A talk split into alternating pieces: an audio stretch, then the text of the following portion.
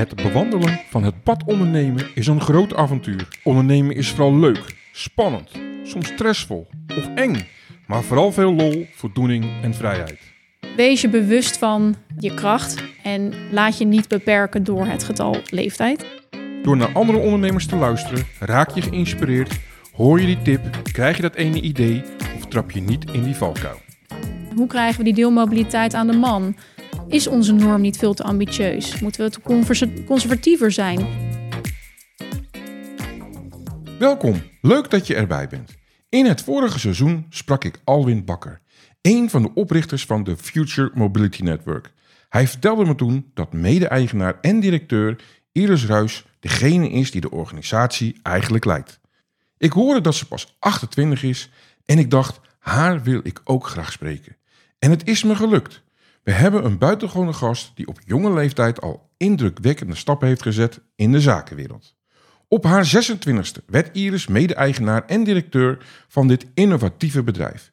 En sindsdien heeft ze de mobiliteitsindustrie getransformeerd met haar visie en leiderschap. We gaan in gesprek met Iris over haar ongelofelijke prestaties, haar motivatie om deze verantwoordelijkheid op zich te nemen en de groeikansen die ze ziet voor de Future Mobility Network. We zullen ook dieper ingaan op hoe ze omgaat met eventuele weerstand als gevolg van haar leeftijd en ervaring. Welkom Iris. Dankjewel. Ja. Leuk om hier te zijn. Ja, zeker leuk. En ook uh, bedankt dat ik hier mag zijn. Hè? Ja. Weer in het mooie Delft. Heel, ja, het hele mooie Delft inderdaad. Ja, ja, ja. Altijd wel weer een bijzondere plek dit, hè, waar jullie zitten. Ja, het is een, uh, een inspirerende plek en uh, ik ben daar ook deels wel aanstichtster van. Dus ja, ja? Als je daar meer over wil weten, dan kan ik daar ook zo meteen iets oh, over dus vertellen. zelfs daar heb je je vingers. zelfs daar. zelfs daar. je bent nu 28, dat is correct, hè? Mm -hmm. Niet dat dat zo heel erg belangrijk is, vind ik, leeftijd. Maar toch opmerkelijk. Het is een, we hebben in onze vorige podcast gehad over de Future Mobility Network. Heel innovatief. Alwin, beetje mijn generatie, zullen we maar even zeggen. Nou, al iets jonger nog als ik. Maar toen hoorde ik van jou. En jij bent ook degene die eigenlijk de boel een beetje uitstippelt binnen dit bedrijf. Klopt dat? Dat klopt, ja. Ja. ja. En hoe ben, je, hoe ben je daar zo in terecht gekomen? Goeie vraag. Nou, je hoort vaak toeval bestaat niet, maar ja. Uh, misschien goed om iets te vertellen over mijn achtergrond. Ja. Ik heb zelf een achtergrond in bouwkunde, dus dan nou ja, kan je afvragen wat doet dan zo iemand binnen een bedrijf wat vooral gaat over mobiliteit. Ja, absoluut. Nou, mijn, mijn pad bouwkunde, dat was ook nog niet echt uitgestippeld. Dus wat jij zegt, ik stippel het bedrijf een beetje uit in de koers. Dat had ik eigenlijk persoonlijk niet echt gedaan. Maar goed, bouwkunde uh, ben ik gaan doen uh, en master vastgoedmanagement gaan volgen. En wat ik daarbij eigenlijk opmerkte is dat uh, het hele vastgoed, de hele vastgoedwereld, ja. uh, niet echt verbonden was, in mijn, optiek, in mijn optiek niet, met mobiliteit.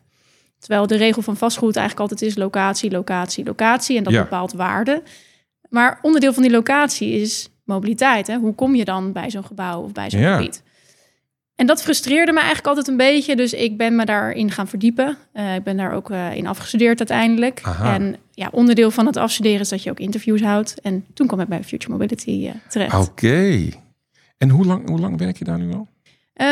Ruim vijf en een half jaar. Zo, Ja. daar ben je echt jong ingestapt. Klopt. Ja, ik ben ook wel redelijk door mijn studies heen gerold. Ook wel deels bewuste keuze, omdat ik ja, het gevoel continu wel had van ik wil meer, ik wil toch dat professionele leven in. Ja. Eh, en voor mij was het doorrollen binnen nou ja, mijn bachelor en mijn master Ja. eh, was daarvoor belangrijk. En dat eh, ja, heb ik snel kunnen doen. Je bent hier gaan werken en op een gegeven moment zijn ze naar je toegekomen. Van Iris, wil je directeur worden? Klopt. Wil je mede-eigenaar worden? Ja, en ik moet eigenlijk zeggen, ik, het moment dat dat gevraagd is, dat kan ik me niet meer zo één op één eh, terughalen. Ik denk dat het ook wel gegroeid is. Dus eh, je merkt misschien dat je ja, steeds meer vertrouwen krijgt, steeds meer verantwoordelijkheden. dat er wordt gezien dat bepaalde zaken toch net vanuit een andere invalshoek of benadering eh, worden opgepakt. Mhm. En ik denk met het, nou ja, continu net een beetje meer verantwoordelijkheden krijgen, dat ja, dat organisch eigenlijk wel is gelopen. Uiteindelijk, tuurlijk, is de vraag gesteld van, hey, eh, hoe sta je erin Ja. of sta je daarvoor open? En dat was eigenlijk voor mij een heel groot compliment. Dat Ja, ik dat, dacht, kan- dat is het hè, zeker. als mens wil je vaak toch gezien worden. Ja, En het is toch ook wel een teken van: hé, hey, wij zien jou en wij zien jouw waarde, jouw bijdrage in het bedrijf. En wat was, wat was je grootste motivatie om ja te zeggen tegen deze, tegen deze ja, toch wel grote verantwoordelijkheid op zo'n op zo'n jonge leeftijd? Ik ga graag uitdagingen aan. Ja? Uh, dus uh, ik ben iemand die, uh, nou ja, graag dus, ja, wat ik zeg, gechallenged wordt. en dit was voor mij iets nieuws ja. en, en, echt een challenge. Dus ik had zoiets van, ja, ik, ik, ik, voelde en ik zag natuurlijk ook wel dat het bedrijf, het was een start-up, dus redelijk dingen die nog wat meer houtje touwtje liepen. Ja. En je merkt dan toch dat mensen misschien ook tegen dingen aanlopen en mm -hmm. ik wil graag dingen oplossen. Ja. Dus aan alles voelde ik van, hey, dit is een kans uh, en ook iets waar ik nou ja, nog niet zoveel ervaring mee heb, maar wel heel graag wil leren. Uh, en ja. ja. dat was voor mij denk ik de reden dat ik dacht, deze uitdaging uh, wil ik aangaan. Heeft het je veel toege heeft het in het bedrijf veel toegevoegde waarde gehad? Denk je dat jij anders naar dingen kijkt? Ook om, omdat je natuurlijk van een andere generatie bent. Ja, ik denk zeker. Ik denk dat hoe ik het bedrijf nu steeds meer aan het bouwen ben, um, ook wel het aantrekken juist ook van jonge mensen, van uh, Ja. de next generation. Ja. Dat dat een hele belangrijke schakel is eh, om, nou ja, we, we, creëren leefbaardere steden door mobiliteit in te zetten. Ja, Maar om ook dus die andere invalshoek daadwerkelijk te laten spreken. Dus ook daadwerkelijk de next generation onderdeel te maken van ja die want dat, leefbare dat, dat steden. past ook echt bijna bij de titel van het, eh, bij het naam van het bedrijf. Dus de- de- niet alleen de future mobility, maar ook de future generation. Ja, want, Maar, maar jullie zijn degene straks die, die, die gebruik maken van die mobiliteit. klopt. Waar jullie nu mee bezig zijn. Dus jullie weten eigenlijk ook precies wat jullie willen en straks willen. Nou ja, en ook als je terugkijkt hè, naar alle uitdagingen die er waren en Ja. alles wat er gedaan is. Ja, Eh, Alwin zegt altijd heel mooi van hè, als je doet wat je altijd al deed, dan krijg je wat je kreeg. ja, Dus- ja dat heeft hij inderdaad ook gezegd. Ja, dus ook in de hele hè, consultancywereld of de hele advieswereld ja. denk ik dat het juist heel belangrijk is om juist die schatten, die is die Mhm. next generation, die dus nog vanuit ja, meer onbevangenheid, eh, Ja. minder vanuit schotjes kunnen denken en, Ja. en, en hè, adviezen kunnen opstellen en kijken, ja, dat je daarmee dus ook echt die next future aan het genereren bent. ja, mooi zeg. hey, maar je had het net over challenges, uitdagingen. Wat was je grootste uitdaging? Mijn grootste Want toen je uitdaging. net zo, hè, je bent net een half jaar bezig en dan ja, kom je toch wel grote uitdagingen tegen, lijkt mij. Nou, ik denk jezelf leren kennen. Ja? Ja, dus ik denk als je eh, nou, wat- meer op een leeftijd bent, dan heb je meerdere dingen meegemaakt in je leven. Hè? Ja. Life experience. Eh, en ik, soms was mijn onzekerheid ook wel van, hé, hey, je bent zo jong eh, en je hebt bepaalde dingen nog niet meegemaakt die je vormen als mens. Ja. Maar hoe kan je er dan toch voor zorgen dat je jezelf als mens sneller of beter leert kennen? En ik denk dat, nou ja, dat proces, dat ben ik eigenlijk nu het laatste jaar echt wel veel Ja. meer mee bezig geweest, ook in samenwerking met Alwin. En ik merk dat dat zoveel waarde toevoegt aan Mm. hoe ik me voel en hoe ik ook weer ben en hoe ik me gedraag. Ja. Ehm, maar dat dat wel ook echt een van mijn grootste uitdagingen was. En hoe heb je dat dan gedaan, die aansluiting met toch eh, de generaties om je heen? Nou, som- soms gaat dat niet altijd. Nee, ik wou net zeggen, want, want wordt het altijd geaccepteerd? Uiteindelijk wel. Ja, Eh, het is denk ik belangrijk dat je in verbinding blijft. Dat is misschien een beetje een cliché. Maar ik denk dat je daarnaast ook moet kijken naar eh, hoe kan je ook anderen om je heen organiseren. Dus Mhm. jonge ondernemers die ook misschien hetzelfde pad aan het bewandelen zijn of in dezelfde positie zitten. ja, Om ook wat meer vanuit die onafhankelijkheid eh, mensen te hebben, een kring. ja, waar je misschien ook bepaalde dingen waar je tegenaan loopt als jonge directeur of directrice. Dat je daar ook wat meer mee kan spiegelen. Want ja, even heel eerlijk, in mijn huidige kring had ik niet echt van dat soort mensen om dan dus te spiegelen. ja. Ehm, en ja, ik denk dat dat er wel eh, aan heeft bijgedragen in Ja. mijn proces. Dus je, hebt ook daar, je, hebt ook, je hebt bewust daar ook in genetwerkt, om de, de juiste mensen om je heen. Ja, en soms komt het ook op je pad. Maar ik Ja. denk inderdaad ook Ja. netwerken, het, zorgen voor verbindingen. Ja, ja, Ehm, en dat is denk ik ook gelijk een tip aan andere Ja. mensen, hè, aan, aan jonge mensen die eh, eh, denken: hé, hey, dat is een interessant pad, dat zou ik ook willen bewandelen. Zorg dus ook dat je je omringt met de mensen die hè, gelijk, eh, gelijkgezind zijn en dus jou ook weer kunnen helpen. En ja. die, eh, ja. ja. En, en heb je ook een, een, een, een eigen persoonlijke missie naast de missie van het bedrijf die je uitdraagt natuurlijk? Ja, en hij is wel gerelateerd aan het bedrijf. Maar Ja. wat ik gaaf zou vinden is, eh, ik, ik, zie- ik zie altijd het, DNA van Coolblue voor me. Oh, dat Dus is eh, mooi. nou ja, een ander bedrijf, een heel ander type, ja, andere ja, ja, branche. ja, ik Maar- heb daar dichtbij gezeten. toewerken naar een bedrijf waarbij het DNA, hè, dus hoe mensen zichzelf presenteren, hoe mensen het bedrijf presenteren, maar ook hè, de, de, de stukken, de financiële systemen, echt alles, dat het DNA door alles heen vloeit, door de aderen van het bedrijf. Ik weet niet waarom, maar dat inspireert mij. Dus het, het, het gevoel van het klopt. Ja, Dat ja. is mijn persoonlijke hè, missie wel, eh, om ja, me volledig in te zetten Ja, eh, ja. om het nog professioneler ook te maken. Want ja, dat is misschien een overtuiging, maar ik link dat wel ook echt aan eh, het, het, het zijn van een professionele Ja. organisatie. Oh, mooi. Maar dan vraag ik me toch af, hè. Dat lijkt me dan toch wel moeilijk als ik me dan zo bedenk in jouw positie. Dan word je bijvoorbeeld uitgenodigd in een mooie stad. En dan kom jij daar aan. En daar zitten een paar eh, wethouders. Mhm. En dan zit je er tegen en dan zien ze ineens Iris komen. En ze hebben niet hun huiswerk gedaan. En dan zit daar een jonge vrouw. Die directrice is, of directeur is van de Future Mobility Network. En die gaat daar raad en advies geven. Die gaat vertellen, zo zit het in elkaar. Mag je dan gelijk je ding doen? Of heb je nog toch wel eerst wat dingen te overwinnen? Hele goede vraag. En hij raakt ook aan inderdaad een aantal situaties die ik heb meegemaakt. Ja, Waar eigenlijk inderdaad hè, het gevoel van jezelf bewijzen Ja, dan ja. heel erg naar voren komt. En soms ook wel eh, niet alleen het gevoel is, maar Mhm. ook daadwerkelijk eh, nodig is. ja, Dus wat je merkt is dat je, nou ja, eh, je hebt bijvoorbeeld bepaalde consultants in het vakgebied of in de branche mobiliteit. En die hebben zich in de jaren eh, bewezen. Hè, die hebben al een bepaalde status. En je merkt toch als je, niet, niet per se als je jong bent, maar ik denk dat het te maken heeft, je bent ook een nieuwe speler. Je bent een nieuw gezicht. Eh, dat mensen eerst eens de kat uit de boom willen kijken van hé, hey, eh, wat, wat komt diegene brengen? Dus ik weet niet direct of het te maken heeft met jong of een vrouw of Mhm, iets mhm. dergelijks. Maar ik denk dus nieuwe speler dat dat er wel een is. ja. Ehm, maar ik probeer die wel altijd heel snel weer voor mezelf om te denken. Van, Ja. En dat heb ik geleerd van nou ja, een voorgaande podcast eh, met Marlon Huisman, eh, die vooral ook jonge vrouwen in de bouw eh, coacht. En die gaf ook wel aan van je moet het juist zien als een kracht. Dat je dus die, ofwel die nieuwe speler bent, ofwel Ja. jong. Want je bent de schat. Waar we het net hè, over hadden. Wat ik zei, Ja, ja. dus je, ja. Je, je hebt juist die schotjes niet. Ja. En dat is waarde. Ja. En zie het ook als een waarde dat jij Ja. dus aan tafel zit. Ah, mooi. Ja, ik heb dat zelf ook al vroeger ervaren hoor. En wat ik altijd deed is gebruik de ervaring van de ander. Zeker als het om leeftijd, soms wel eens om leeftijdsverschil is. Maar eh, dat mag je ondersteunen met jouw ervaring en jouw inzicht. En dan krijg je gezamenlijk toch wel een soort draagvlak. Precies. En dan heeft, dan heeft het niks meer met leeftijd te maken. En inderdaad, wat jij zegt, want ook mooi hoe je dat relativeert, is het heeft helemaal niks met leeftijd te maken. Het heeft gewoon te maken, ik zit daar en wij zijn gewoon een nieuwe speler. Ja. En of ik dan 40, 50 ben of 25, het maakt niet uit. Op dat moment moet ik me ook bewijzen. Ja, Precies. dat klopt, maar dan had ik ook moeten doen toen ik 40, als ik 40 ben. Ja. Ja, echt, echt heel erg mooi. Maar je vertelde net, je hebt de achtergrond in bouwkunde.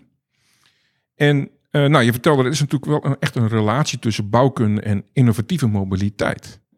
En dan, ga ik, dan gelijk zit ik zelf te denken aan mijn eigen appartement. Te weinig parkeerplaatsen.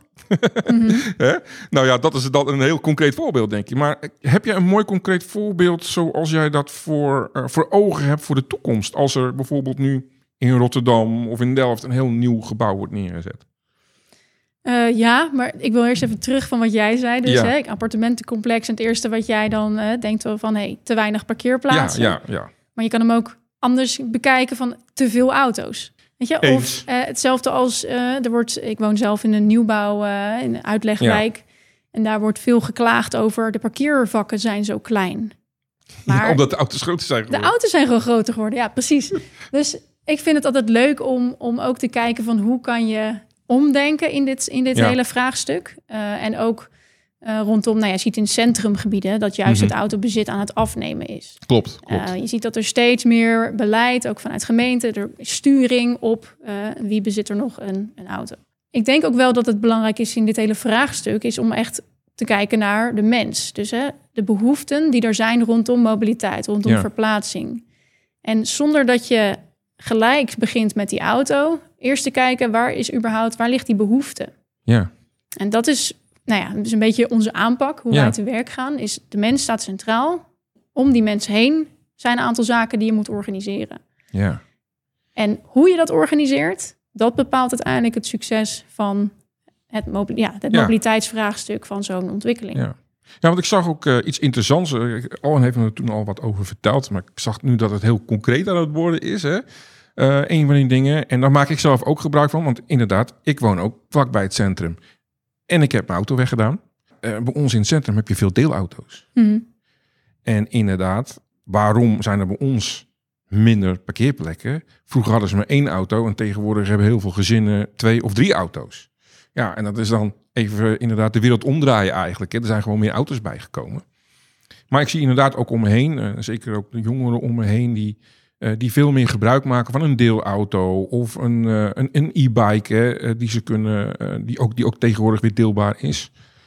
Eh, maar ik zag dus een concreet voorbeeld waar jullie mee bezig zijn over ja, deelauto's die eigenlijk gewoon naar je toe komen. Klopt. Ja, ja, hè? ja.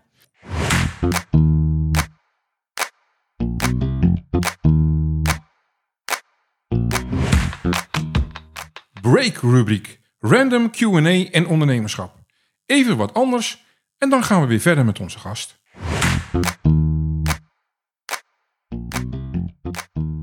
In mijn gesprek met startende ondernemers ontvang ik vaak de vraag: moet ik meteen duurzaam zijn? En wat doet dat met mijn kosten? Mijn antwoord is eenvoudig: ja. Begin vanaf het begin met duurzaamheid. Het is cruciaal om je processen vanaf het begin zo duurzaam mogelijk in te richten. Als ondernemer en leider is het van essentieel belang dat je het goede voorbeeld geeft, zowel naar buiten toe als intern. Duurzaamheid moet niet alleen een externe indruk wekken, het moet verankerd zijn in de kern van je bedrijfscultuur. Belangrijk is te beseffen dat duurzaamheid niet altijd betrekking heeft op grote veranderingen. Zelfs kleine aanpassingen dragen bij aan een duurzamere bedrijfsvoering. En hoeft niet altijd veel te kosten. Het gaat erom dat je als ondernemer bewuste keuzes maakt en de verantwoordelijkheid neemt voor de impact van je bedrijf op het milieu en de samenleving. Op lange termijn draagt duurzaam ondernemen bij aan een veerkrachtige bedrijfsvoering. Bedrijven die proactief zijn in het beheren van het milieueffecten en sociale verantwoordelijkheden zijn beter voorbereid op veranderde regelgeving en markttrends. Dit maakt duurzaamheid niet alleen een ethische keuze, maar ook een strategische investering in de toekomst. Dus ja, als je aan het begin staat van je ondernemersreis, omarm duurzaamheid als een integraal onderdeel van je bedrijfsstrategie. Het zal niet alleen de wereld positief beïnvloeden, maar het kan ook kostenbesparend en zelfs winstgevend zijn op de lange termijn. Onthoud dat elke kleine stap die je zet, hoe bescheiden ook, een verschil kan maken.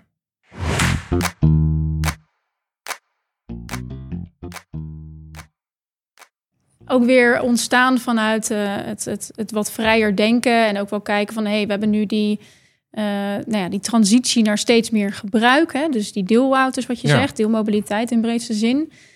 Maar ook daarin zie je dat eh, er nog steeds heel veel hiccups zijn. En dat nou ja, veel deelbedrijven nog ook wel in de rode cijfers zitten. En dat het heel veel moeite en energie kost om eh, dat succesvol te maken.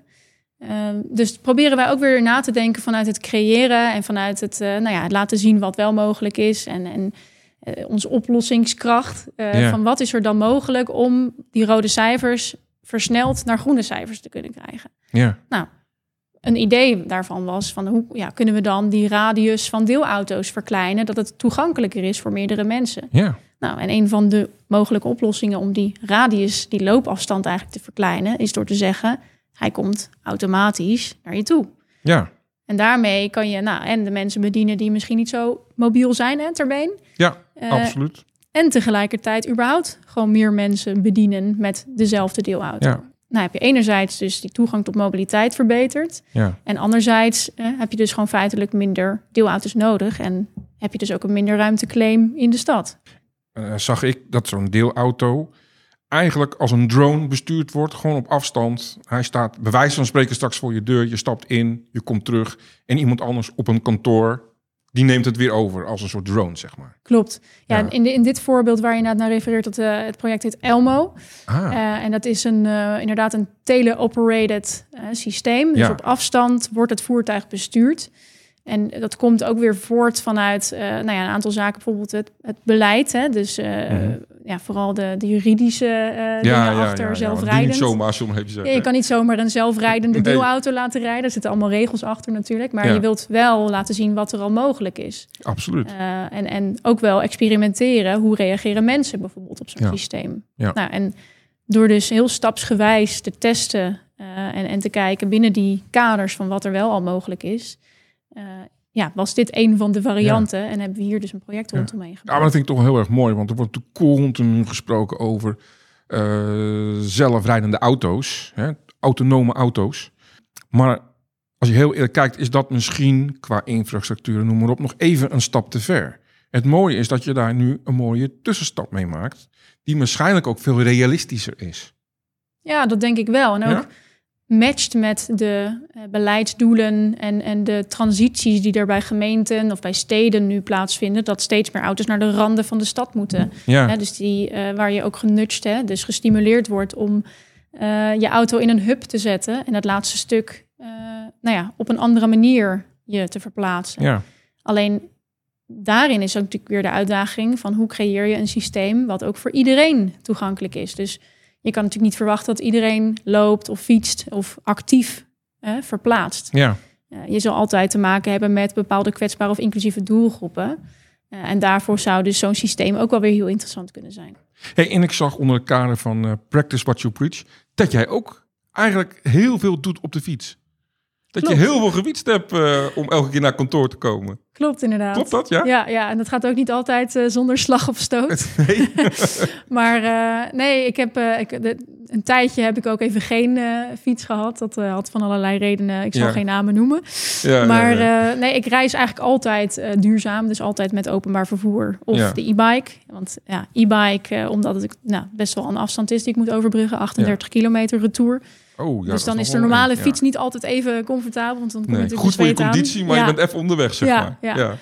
Dus nee, ik vind dus inderdaad wat je zegt, practice what you preach. Als jij nou ja, adviezen schrijft voor nieuwe gebiedsontwikkelingen en eh, die Ja. andere mindset ook wil stimuleren, Ja. dan is het ook belangrijk dat je er zelf ook nou ja, in experimenteert en in kijkt van wat is haalbaar en eh, wat is acceptabel. En dan ligt mijn grens misschien wel een stukje verder dan gemiddeld, omdat ik zelf ook in de bra- branche werkzaam ben en een bepaald Mhm. doel Mhm. nastreef. Maar ik vind dat wel heel belangrijk inderdaad. Ja. Ben je het eens met de stelling 80% van je succes als leider is een voorbeeldfunctie zijn? Hele goede stelling. 80%, Van je succes Van als je leider succes is als een leider. en dus niet alleen naar de buitenwereld, maar ook naar je mensen om je heen. Waar je mee werkt. Nou, ik denk het wel. Ik weet niet 80% Ik ben altijd Ja, heel erg van de logica. Maar Ja, eh, ik denk het wel. Ik denk dat je uiteindelijk, wat ik ook zeg over dat DNA... Dus Ja. niet alleen dat het door je organisatie heen stroomt, maar ook door je mensen. Ja. En dat DNA wat je dan wil creëren, dat moet je dan zelf ook in je hebben. absoluut. Dus- Ja, ik denk dat dat wel eh, een, eh, dat ik daar, ja, ik ben daar wel mee eens. Ja. Ah, Ja. mooi. Heb je nog een, een, een, een, een, een, een mooi voorbeeld van een initiatief, van een project waar je nu mee bezig bent als het gaat om mobiliteit, bouwkunde en de toekomst? Ehm, ja, ik ben nu betrokken bij een project eh, in Amersfoort. Ja. Eh, en dat is best een eh, grote gebiedsontwikkeling. Eh, dat Ja. gaat echt om de, om de bouw van, nou ja, even om nabij, noem even wat, 2500 woningen bijvoorbeeld. En wat je daar merkt is dat je hè, gezamenlijk in een zoektocht zit. Dus nou, je zit met heel veel partijen aan tafel. Met Ja. vastgoedontwikkelaars, met een gemeente, nou, met onafhankelijke adviesbureaus. En de onzichtbare aan tafel, dat zijn natuurlijk ook gewoon de nieuwe bewoners straks. Ja. Eh, en je merkt dat er gewoon een nou ja, onzekerheid is. En je merkt dat iedereen zoekende is. Van Ja. hey, wat voor parkeernorm moeten we nou hanteren? Ja. Eh, en wat, eh, hoe gaat het nou daadwerkelijk werken? Hoe krijgen we die deelmobiliteit aan de man? Is onze norm niet veel te ambitieus? Moeten we te conservatiever zijn? Dus, en ik vind juist ook wel het mooie is dat je aan alle kanten ook voelt dat het een zoektocht is. Er is geen goed of fout. Nee. En ja, komen tot een ontwerp uiteindelijk. eh, Waarbij iedereen de handen ineens slaat en iedereen het vertrouwen uitspreekt. Dat is nou, behoorlijk complex. Ja. Maar het is wel uiteindelijk voldoenend. Eh, en eh, ja, het is een grote puzzel eigenlijk. En, Ja. en iets wat ik leuk vind is complexe vraagstukken en puzzels oplossen. In, op een manier dat je toch nee, een soort risico's inbouwt en flexibiliteit. Eh, dat je daarmee uiteindelijk de belangen van iedereen kan. eh, ja. hè, maar kan ik, ik krijg dan, als als ik dat zo hoor en dan kijk ik ook om me heen, is alsof we op een soort kruispunt staan. Eh, De wereld is steeds sneller aan het veranderen. We weten dat we een aantal dingen moeten doen, hè, zoals klimaat, verduurzaming. Eh, en dan zie je dit, dat zie je ook weer hierin terug. Van, we weten het nu eigenlijk even niet en we moeten, hè, we moeten hier goed over nadenken. Welke mogelijkheden zijn, mogelijke mogelijkheden zijn. En ik ook mooi wat jij zegt. En er is ook een partij aan tafel die onzichtbaar is. En probeer vanuit hun ogen er ook eens naar te kijken. Klopt. En het lijkt me inderdaad, wat jij zegt, een hele complexe vraagstuk. En mooi dat jij daar ook dan weer deel van mag zijn, hè? Ja, en ik zie dat eigenlijk ook altijd wel als een soort eer. Uiteindelijk, ja, ik zeg niet je bepaalt, maar uiteindelijk ben je wel onderdeel in het vormen van een nieuw gebied waar mensen gaan wonen, werken, recreëren. Dus je Mhm. bent, ja, op een manier kan je aan bijdragen hoe leefbaar of hoe fijn straks een plek gaat worden voor andere mensen. Ja, En nou, dat eh, naast de, de zichtbare impact, hè, dat er dan dus straks iets gebouwd wordt, uiteindelijk kan je ook dus bijdragen aan die maatschappelijke impact eh, in relatie tot weer die duurzaamheid. Hè. Dus Ja. Hoe veilig is een gebied om te spelen, maar juist ook hoe eh, schoon is de lucht straks in die stad, hè, eh, deels ook Ja. gecreëerd door de mobiliteit. Dus er zijn heel veel aspecten waar het aan raakt en dat is voor mij eigenlijk ja, heel voldoenend en dat is ook waar ik energie van krijg. ja, maar dat kan ik me ook echt wel voorstellen. En wat zou jij jonge ambitieuze mensen in het bedrijfsleven willen adviseren? Vooral degene die ook streven naar leiderschapsrollen op jonge leeftijd? Eh, nou, hiervoor hadden we het heel even over, dus over leeftijd bijvoorbeeld. Ja. Een collega van mij die zei vandaag: It's not your age, it's your stage. Ja, Dus- mooi. Wees je bewust van je kracht en laat je niet beperken door het getal leeftijd. Hè? En ook haal inspiratie uit je omgeving. Niet direct misschien de mensen waar je altijd al mee omgaat, maar kijk ook verder. Dus probeer je, je, je circle of influence, hè, hoe Ja, ze dat zo ja. zeggen, probeer die ook nou, misschien wat te verbreden en te kijken van met wie eh, zou je als een soort eh, Ja. sparringspartner eh, je jezelf ook verder kunnen ontwikkelen. Ja, mooi. Ehm, ja, laat je niet leiden door angsten. Geloof in jezelf en blijf dat, blijf dat doen. Schitterend. Hey, hoe zorg je hoe je zelf, hoe, hoe blijf je zelf op de hoogte van de laatste ontwikkelingen? Want het gaat toekomst, denk ik wel snel in de mobiele sector. Ja, ik denk eh, dat voor mij LinkedIn een hele belangrijke Ja, bron ja, is. ja. Dus eh, de je hebt bepaalde linking pins in je netwerk. Eh, Als je die goed volgt, dan ben je snel, eh, hè, vaak snel bij. Ja, klopt. Maar ook wel het bezoeken van, van evenementen en het nou ja, ook verder kijken dan de landsgrenzen van wat gebeurt er om me heen. Ja, precies. Want je zit al snel in dat tunneltje van, ik kijk bijvoorbeeld alleen maar naar mobiliteit. Maar vaak heeft dat natuurlijk ook weer, is dat allesomvattend meer met andere dingen. Ja, Hè? ja. Waar Ja. we het dan toevallig weer net over hadden, hè? want je met zoveel partijen aan tafel zit. Ja, en dat, is, dat zit hem dan ook niet alleen in, in het bezoeken van, van beurzen of evenementen of daar op het podium staan en netwerken, maar het zit hem juist ook in het openstaan om samen te werken met eh, internationale partijen. Ja, Het zit hem ook in het eh, nou, ook binnentrekken van mensen met een internationale achtergrond binnen het team. Want ook daar eh, zie je dat je ook heel veel kan leren van andere invalshoeken, vanuit andere culturen en ja. op een manier ook weer het netwerk van diegene eh, kan benutten. Dus, ja precies. Dat Ja. sluit dan weer mooi aan wat je net even vertelde. Ja. Hè? Schitterend. hey, dan gaan wij al naar de laatste twee vragen.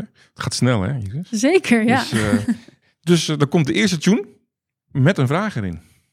Geef, ons je, meest, waardevolle les. Mijn meest waardevolle les. Mm, wacht niet met het ontwikkelen van jezelf. Hoe vroeg, hoe eerder je kan beginnen met het creëren van zelfinzicht, eh, in het eh, leren kennen van jezelf, hoe beter uiteindelijk voor hoe jij als nou ja, potentieel leider, directeur, je weg ook kan vinden. En ook dat vanuit authenticiteit kan doen.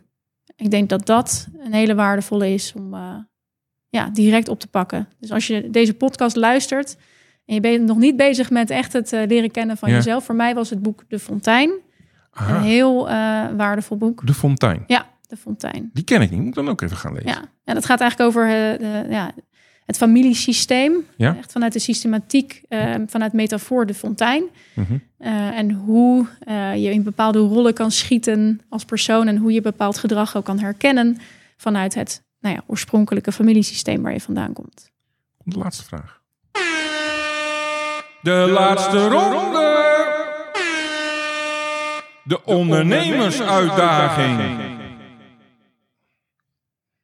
In welke valkuil zal jij niet meer stappen als ondernemer?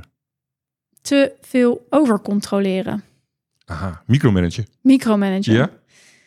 Ja, en het, dat blijft eh, een, een valkuil. Alleen ik denk dat als je je er bewust van bent Ja. dat het een valkuil is, Ja. Dan kan je hem ook weer gaan omdenken van hé, hey, welke uitdaging heb ik dan? En hoe kan ik ervoor zorgen dat ik niet schiet in het overcontroleren? En als je erop aangesproken wordt door een ander, vind je het dan erg? Als je weer in die valkuil bent gestapt? Nee, dat vind ik juist dus heel waardevol. Dus eh, het, het organiseren van kritische mensen om je heen. Ja. Eh, mensen die ook de ruimte voelen hè, en het vertrouwen voelen om zich uit te spreken. En dus ook als het opbouwend is hè, in de vorm van feedback, om dat ook daadwerkelijk eh, te benoemen. Dan heb ik er alleen maar respect voor. Dus ik zou het alleen maar beamen, mocht ik daar weer in schieten. Dus collega's, als jullie luisteren, geef het vooral aan. Geef het vooral aan. Nou, Iris, heel erg bedankt voor je wijze lessen, je mooie verhaal. En jij ook bedankt. Je bent het al, maar ook jij bent ook voor ons, ook voor mijn kinderen, de leider van de toekomst. Dankjewel. Bedankt voor het luisteren en volgende week ondernemer Thibaut van der Laan van de Agency Group over impactvolle en heel belangrijk converterende videocontent. Heb je een uitdaging waar je niet uitkomt? Heb je hulp nodig bij je avontuur als ondernemer? Of ken je iemand anders die hierbij hulp nodig heeft? Wij kunnen je helpen. Ga naar bridgepower.nl en kies contact. Dit kan ook via de social media kanalen. Ik of mijn collega's nemen dan snel contact met je op. Wil je niks missen en alle podcastafleveringen overzichtelijk onder elkaar?